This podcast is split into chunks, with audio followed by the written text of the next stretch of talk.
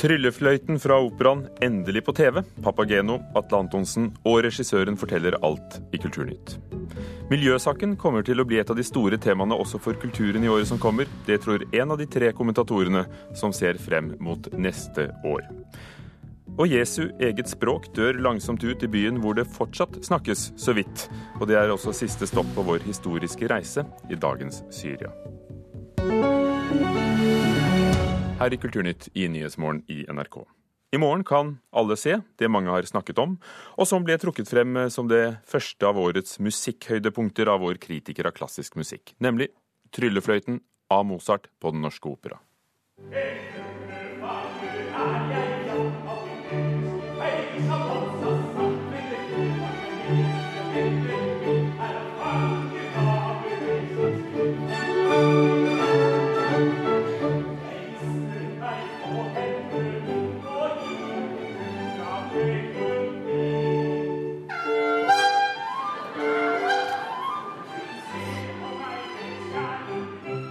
Tryllefløyten vises på NRK2 i morgen kveld, og også blir liggende på internett. Papageno, fuglefangeren, komiker og nå sanger Atle Antonsen, god morgen.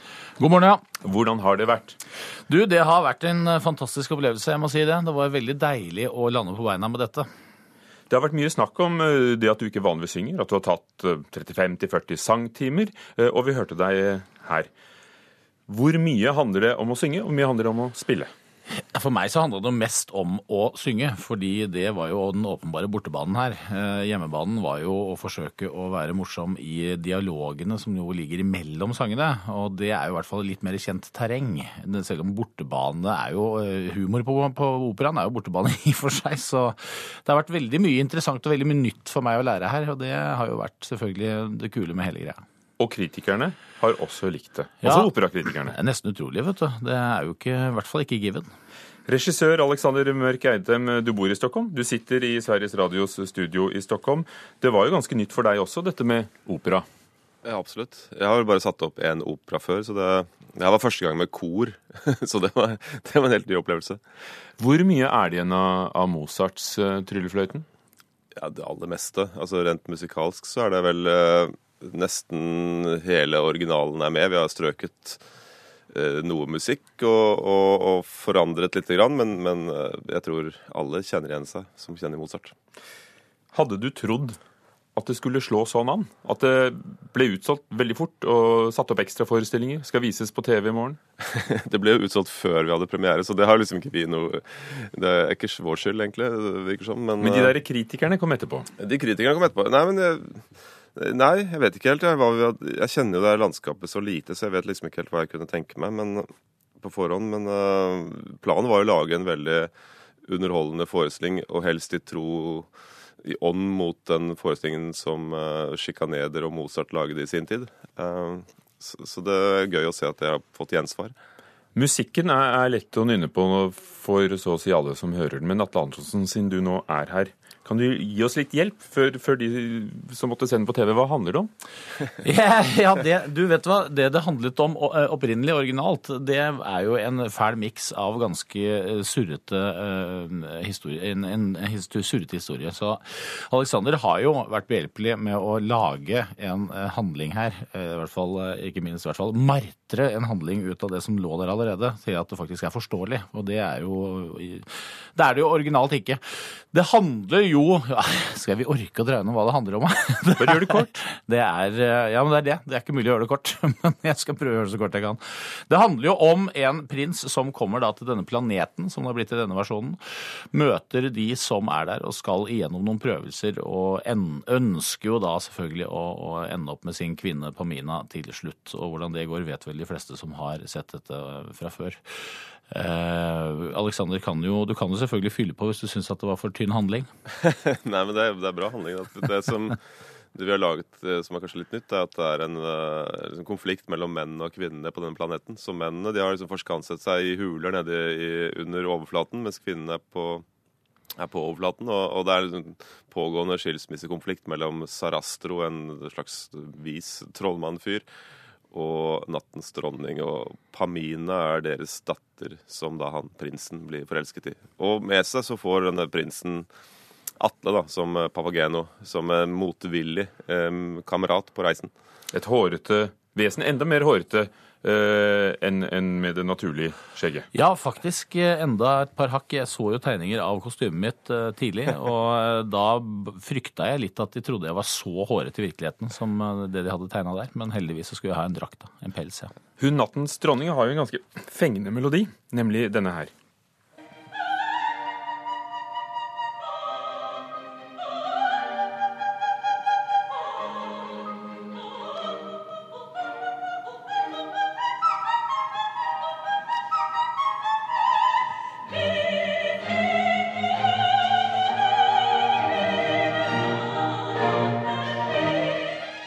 Eier Inderhaug som nattens dronning. Alexander Mørk Eidem, dere gjorde noe spesielt med musikken der, som Atle Halstensen har vært musikalsk ansvarlig for. Dere, dere la opp en sånn samplet tone helt i toppen. Det er jo ikke vanlig i opera, er det vel? Nei, det er det ikke. Det, det er ikke så mye vi gjorde, egentlig. Uh, jeg- Men hvorfor? Greia her var på en måte eller, Min inngang til hele forestillingen er å forsøke å få, få det du ser, eh, til å passe sammen med det du hører. Uh, og i og med at vi er på en annen planet, så hadde vi lyst til å ta tak i litt av det science fiction, eh. Og forsøke å, å, å vri det litt dit hen. Så vi har med sånn termin, det er et sånn gammel instrument som høres ut som det er en sag. Sånn greie. Og i denne arien så er vel hun har sånn, sånn ledemotivlyd som er en, en sonarpling, som du hører inni bing iblant, og en del sånne effekter for å gjøre det enda litt mer magisk. da. Har du, har du møtt eh, noe, noe motstand når du har eh, villet uh, gjøre det mer Star Wars-aktig? Uh, nei, egentlig ikke, ikke Altså De er veldig med på all mulig forandring så lenge det liksom gjelder tekst og kostyme og sånne ting. Når det gjelder musikken, så er det vanskeligere. Og det, det som er det vanskelige med det, er at hele tiden du får et slags motspørsmål som er Men er det like bra som Mozart? Eh, og det er jo ingenting, liksom, per definisjon. Uh, og jeg forsøker å få og de ble med på det også. at det er liksom, det, Vi skal ikke lage verdens beste Mozart-fortolkning. Nå skal vi lage denne forestillingen, og denne forestillingen høres slik ut. Og den behøver ikke høres ut som den forrige. Det er jo en veldig ekstravagant regi, hvis jeg kan si det sånn. Okay. Eh, er, det, er det sånn at det kommer til et punkt hvor du tenker at regien må, må vinne over musikken? Uh, nei, men jeg vil gjerne at eh, forestillingen skal vinne over alle de enkelte delene. Altså, det er ikke nødvendigvis regien som skal bestemme alt, men, men jeg vil gjerne at eh, alt ser ut som det passer sammen, eh, og, og, og lager en sånn helhet som i seg er, virker selvfølgelig og overraskende på samme gang. Og da kan det være litt sånn dumt å ha for sterke føringer både musikk og regi eller, eller tekst eller hva som helst. Atle Antonsen, nå sitter jo Alexander Mørk Eidem i, i Stockholm, og dere er overlatt til dere selv. Har dere improvisert og, og gjort mye av Bli gøyer etter at eh, Alexander dro sin vei? Ja, det er ganske lite. Vi har jo egentlig bare forsøkt å forbedre det som allerede lå der. Eh, enkelte bitte små ting har jo selvfølgelig utvikla seg. Eh, Når du går ut og flørter med publikum og Ja, nei, du, vet du, det er så mange faktorer som skal stemme samtidig at det er ikke så store rom for å drive og improvisere stort. Altså, selvfølgelig har jeg jo et par små verbale frisoner hvor det er mulig å variere litt fra kveld til kveld, men i hovedsak så er det jo ferdig improvisert frem til vi var halvveis i prøveperioden, og så måtte vi jo lande noe til slutt. Det er mange, som sagt, mange elementer som skal passe. For de som benker seg foran NRK2 i morgen kveld eh, klokken 21.05 på, på første nyttårsdag, hva skal de se etter?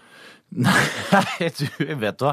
Jeg eh, håper jo og tror at det kanskje er eh, mulig for no noen å få en opplevelse ut av dette på TV også, selv om det jo alltid er slik at en transmisjon eh, er en transmisjon, og det fungerer alltid best live. Men eh, jeg tror kanskje denne, for det er en ganske påkosta stor produksjon. Altså Nå tenker jeg også TV-produksjon, så jeg tror det har blitt bra. Ja. Takk skal dere ha, Atle Antonsen, Papageno, og Alexander Mørk Eidem, regissør.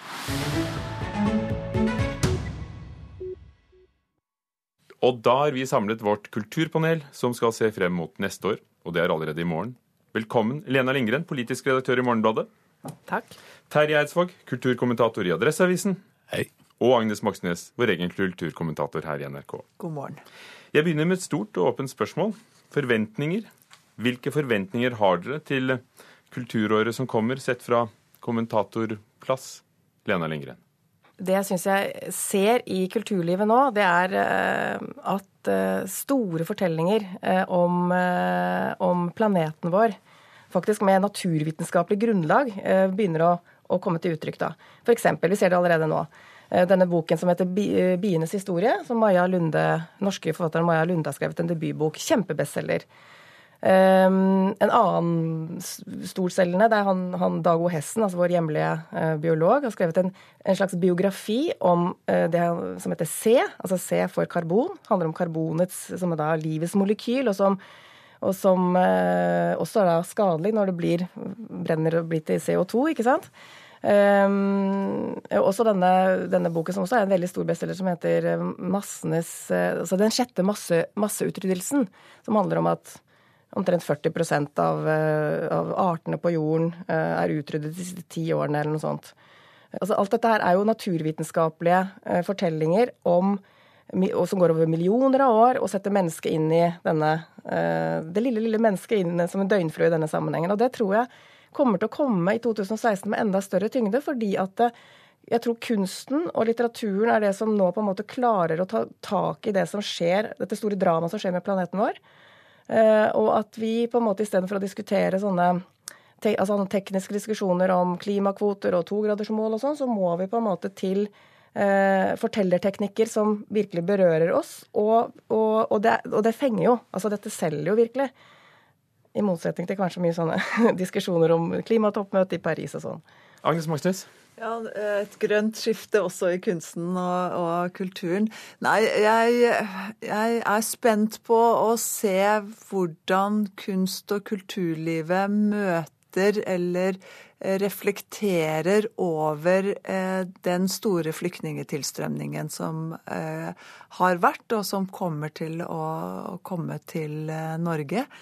Eh, det er en utfordring eh, for de enkeltkunstnere og de store eh, kunstinstitusjonene, men selvfølgelig, og kanskje i første rekke for mediene.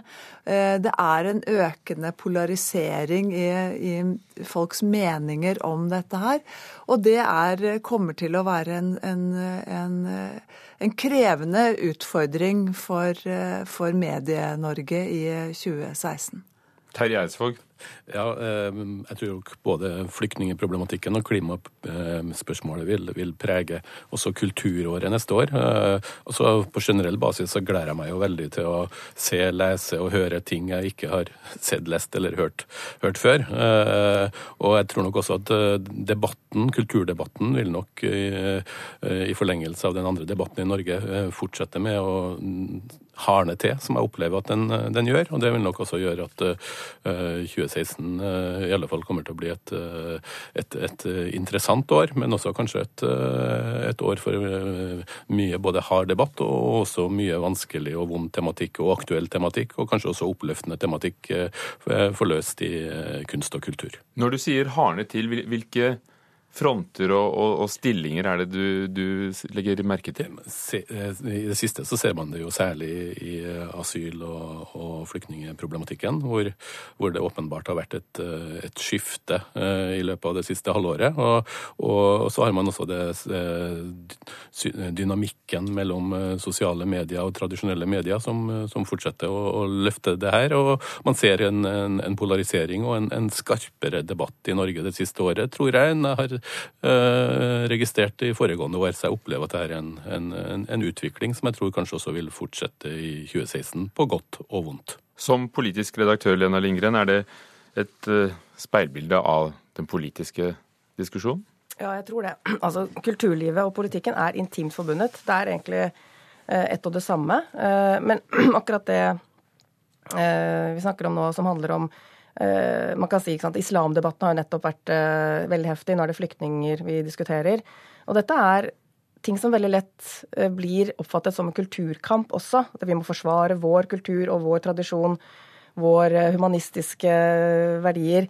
Det er både litt farlig eh, å gå den retningen, samtidig som jeg tror det er helt nødvendig faktisk at kulturlivet tar eller altså, at vi som alle sammen er, eh, med, bor i en kultur, tar den, tar den debatten. Eh, og, og, klarer å skille hva som er eh, nødvendige politiske integreringsdiskusjoner, og hva som er på en måte de kanskje mer sånn verdiorienterte kulturspørsmålene, da. Jeg tror ikke vi kommer unna det. Agnes Moxnes, i julepanelet, hvor du var en del, hvor dere gikk gjennom året som har vært, så ble det stående igjen som et ubesvart spørsmål hvordan de tilfellene av terrorisme som har vært, på Charlie Hebdo tidligere i år og, og, og nå sist i Paris, vil påvirke eh, kulturlivet. Når du ser fremover, og når dere ser fremover, er det et spørsmål som vil eh, prege debatten, og, og hvordan folk tenker og, hva de lager? Ja, på samme måte som vi har snakket om det frem til eh, nå. Det er, det, de er 2016 blir Det stilles opp, de store spørsmålene stilles opp, og, og vi kommer til å få nye svar på dem. Og, og, i så måte er det selvfølgelig både spennende og interessant det som skjer. Og det er en av de, de mest interessante tingene som skjedde i fjor, som kommer til å speiles ut i neste år også, er jo den høyesterettsdommen som Ulrik Ymtias Rolfsen, altså filmskaperen, som eh, skal lage en dokumentar om profeten Umma, eh, hvor da PST gikk inn og sa at de ville se på råmaterialet hans, og, og Høyesterett sa at, at han har rett til å beskytte kildene sine. Og Det er en viktig premiss for, for, veldig mye av den jobbingen som skal skje både i mediene, men også innenfor kunst- og kulturfeltet i året fremover. Ja, Vi ser det jo allerede at uh, hat, vold, ekstremisme uh, får en stadig tydeligere uh, tematisering i, i, i fiksjon. Vi ser det jo allerede nå i den nye krimserien som starter på NRK 3.1, Mammon 2. hvor jeg har sett de første episodene, så er det ingen vil se den uten å gjøre assosiasjoner mot ting som har skjedd i, i nær fortid knytta til, til ekstremisme, terror og hat. Og du ser det også en helt, helt ny, ny, type skurker som dukker opp i TV-serier, i filmer. Sånn at uh, gjenklang av, av, av, 2015 vil man nok uh, i stor grad finne i fiksjon og dokumentarer uh, som vil rulle over skjermer og i bøker i 2016. Du nevnte TV-serien Mammon, Terje Eidsvåg. Tror du det er sånn at, at TV-serier fortsetter å være den nye filmen? At folk snakker nesten mer om fjernsyn enn film? Ja, dessverre. Eh, det, no, noe av det handler om eh, bekvemmelighet, eh, faktisk. At, at brukervennligheten digitalt er, så mye større der. sånn at jeg tror nok at for mange, bortsett fra barnesegmentet hvor voksne tar med seg unger på kino, så tror jeg, tror jeg dessverre at mange, man vil bruke mye tid og snakke mye om veldig mange dårlige TV-serier, eller middelmådige. Og så er det noen lysende som gjør at, at man faktisk kan bruke det begrepet. Eh, men eh, jeg tror nok at eh, det blir tøft, tøft å snu den trenden, fordi at brukervennligheten retter seg mot et segment som har ganske lett for å bli sittende i sofaen og se en episode og kanskje en til av noe som kanskje er bra, fremfor å, å ta det steget ut. Og det syns jeg er synd for, for, filmkulturen. Og så har man heller ikke en Det kommer ikke noen ny James Bond eller Star Wars neste år heller. Så det blir veldig interessant å se om man kan få eh, blåst nytt liv i filmen som, som kultur også for eh, voksne mennesker. eller det var jo ganske trist å se at 'Louder Than Bombs', altså filmen til Joachim Trier, som jo var den første norske filmen som kom til Cannes på 30-40 40 år, var det ikke det? Nesten ikke gikk på kino i Norge. Men mens, mens det da skjer utrolig spennende ting nettopp på TV-seriesiden også i Norge, og, det, og blant annet denne NRK-serien som, NRK, som, heter Ung og lovende, som jo ikke er vist på TV, men bare på, på nettet. Ja, jeg tror eh, TV-serier eh, kommer til å prege 2016, og dessverre litt, som vår kollega her sa. fordi at jeg tror det er en del av en, en, slags det som forskerne kaller en myk avhengighetskultur. Altså vi har fått en, Disse seerkonseptene er liksom laget for å mate hjernen eh, på en helt spesiell måte, som gjør at eh, altså, vi bruker nå mellom fem og syv timer på medier. Vi konsumerer det daglig. Sånn at denne formen for sånn atferdsavhengighet, som, som, det kalles, den, den, eh, Jeg tror vi kan egentlig gå og ta en debatt om det, da. Hvilken vei vi skal Hvor mye skal vi Hvor, hvor skal det ende, liksom? Vi tar den, vi, i Kulturnytt i 2016. Takk skal dere ha. Lena Lindgren, politisk redaktør i Morgenbladet. Terje Eidsvåg, kulturkommentator i Adresseavisen. Og Agnes Moxnes, kulturkommentator i NRK. Denne uken i Kulturnytt har vi besøkt, så å si, bibelske steder som nå er havnet i kryssilden i borgerkrigen i dagens Syria. Halvor Moxnes, seniorprofessor ved Universitetet i Oslo, teolog, har skrevet veldig mye om eh, både bibelhistorie og, og, og Jesus. I dag er vi kommet til Malula. Hva slags sted er Malola? Det er altså en liten landsby som ligger oppe i fjellene eh, vest for, eh, for, Damaskus. Eh, og det var jo virkelig overraskende å komme dit da vi var en busslast med religionsforskere for noen år siden, som kom oppover en trang dal. Og så opp mot toppen så ligger det da en, en, en liten landsby og et Eh, kloster under en hule, eh, hvor efter tradisjonen Tekla, som var en av eh, disiplene til Paulus, en kvinnelig disippel og misjonær, ble forfulgt og, og, gjemte seg i en hule. Og, og efter henne er det altså da reist dette, dette klosteret. Og det som er det mest, skal vi si, mest kjente med Malola, er at man sier der snakker man fremdeles slik Jesus snakket. Altså man snakker en dialekt av det gamle språket aramaisk, som altså på 800-tallet var et verdensspråk. Eh, og i, i, Midtøsten lingva lingua franca, omtrent som engelsk nå, men, men, som eh, da gikk ut av bruk, og som da araberne kom, ble presset ut. Opp i, i daler og fjell, og, og der er det altså da noen rester igjen. Så det går altså an å, å, å reise dit, i hvert fall inntil nylig, eh, og, og fortsatt høre aramaisk? Ja. Det er ca. 15 000 mennesker som, som, bodde der før denne siste krigskatastrofen eh, kom. Og eh, det er der noen landsbyer i, i Syria, og også i Nord-Irak, eh, opp mot det kurdiske området, eh, hvor det også er noen mindre byer hvor disse aramaiske dialektene er, er bevart. Når vi snakker om kvinneklosteret i Malula, hva kan kjennskapen til det fortelle oss om hvordan nettopp kvinner hadde det den gangen? Ja, altså Dette er jo faktisk en veldig lang tradisjon som går tilbake til de første århundrer, om kvinnefellesskap. Eh, det begynte delvis med elitekvinner som kunne samle grupper av kvinner i sitt eget hus, men så ble det etter hvert også dannet, dannet kloster eh, i store deler av, av dette, dette, området, eh, slik at det ga kvinner en form for selvstendighet som de jo ellers ikke hadde i, i datidens samfunn. Kvinneklosteret, som eh, du nevnte, er eh, i dag delvis ødelagt etter slaget mellom forskjellige opprørsgrupper og Assads hær. Men hvordan står det til med, språket, den eh, immaterielle arven? Ja, Problemet der er jo at eh, da, da disse Al Qaida-gruppene kom, så flyktet jo eh, folk. Nå har Assad-regimet gjenvunnet eh, terreng eh, og forsøkt å restaurere noe og, og sånt. Uh, og noen er nok flyttet tilbake. Men, men, noe av problemet med disse språkene er jo at de er så, så sårbare, fordi at det gis ikke undervisning i skole i dem, slik at de overleveres innenfor for familier. Og, og når miljøer da blir sprengt eh, og oppløst, så eh, er jo språket i alvorlig fare. Hva mister vi hvis det blir borte? Eh, for det første så, så, mister jo mennesker sin språklige identitet. Eh, og, og, vi kan si at vi mister den linken eh, tilbake til, til, Jesu egen tid.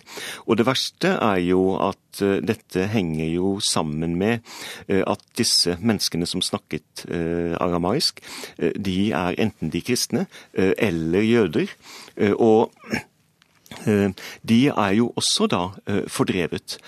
Slik at mitt Midtøsten står i fare for å bli tømt aldeles for kristne, slik at det blir et museum over der hvor kristendommen opprinnelig startet, mens de menneskene som har båret denne arven fra Kristus hele, hele tiden gjennom alle disse århundrene, eh, nå er spredt over hele verden. Og det har jo vært et sted hvor, hvor mer eller mindre vellykket gjennom tidene folk av forskjellige religioner og med forskjellige språk har kunnet leve sammen? Ja da, f.eks. i Irak så, så, var jo det eh, tilfellet. Men, men, først så ble jo jødene fordrevet og måtte flykte til, til, til Israel. Og så i, i, det siste så er jo de, de kristne fordrevet uh, også. Uh, og uh, det har vært en prosess som har pågått over en, en del tid. Fordi at med skal vi si, arabisk nasjonalisme knyttet opp mot islam, har på en måte brutt med den tolerante holdningen som islam tidligere hadde i forhold til, til kristne. Slik at mange flere kristne enn muslimer har dratt Eh, emigrert fra disse områdene i, i Midtøsten til eh, Nord-Amerika, Sør-Amerika, Australia og Europa. Halvor Moxnes, nå har vi i løpet av fire dager besøkt steder som var sentrale i bibelhistorien, og som dessverre er sentrale i den borgerkrigen som pågår i, Syria i dag. Du sitter her med en stabel bøker foran deg. Er det noen du vil trekke frem som uh, de mest nysgjerrige av oss kan gå videre med? Ja, altså det er jo en engelsk historiker og dyktig reisejournalist, William Dalrymple, eh, som skrev en fantastisk bok som vel kom på, på 90-tallet, 'I skyggen av Bysants', som er hans reiseskildring. Eh, en nordmann, Egil Fossum, har skrevet en lignende bok, litt smalere perspektiv, hos de kristne i Midtøsten, fra Alexandria til Aleppo. Og så er det en del religionshistorikere som har, under ledelse av Berit Torbjørnsrud på Universitetet i Oslo, som har skrevet en bok om de kristne i Midtøsten, som dekker de ulike områdene av Midtøsten. Og man trenger ikke doktorgraden for å, å få glede av dem? Alle disse er skrevet eh, helt forståelig. Halvor Moxnes, tusen takk. Seniorprofessor i teologi ved Universitetet i Oslo. Forfatter av boken 'Historien om Det nye testamentet'. Hvis du ikke har fått med alle disse episodene, så har vi laget en podkast som kommer opp når du søker på Kulturnytt, hvor eh, det går an å lytte til alle sammen. Kulturnytt i dag var ved Vidar Sem produsent og programleder Ugo Fermariello.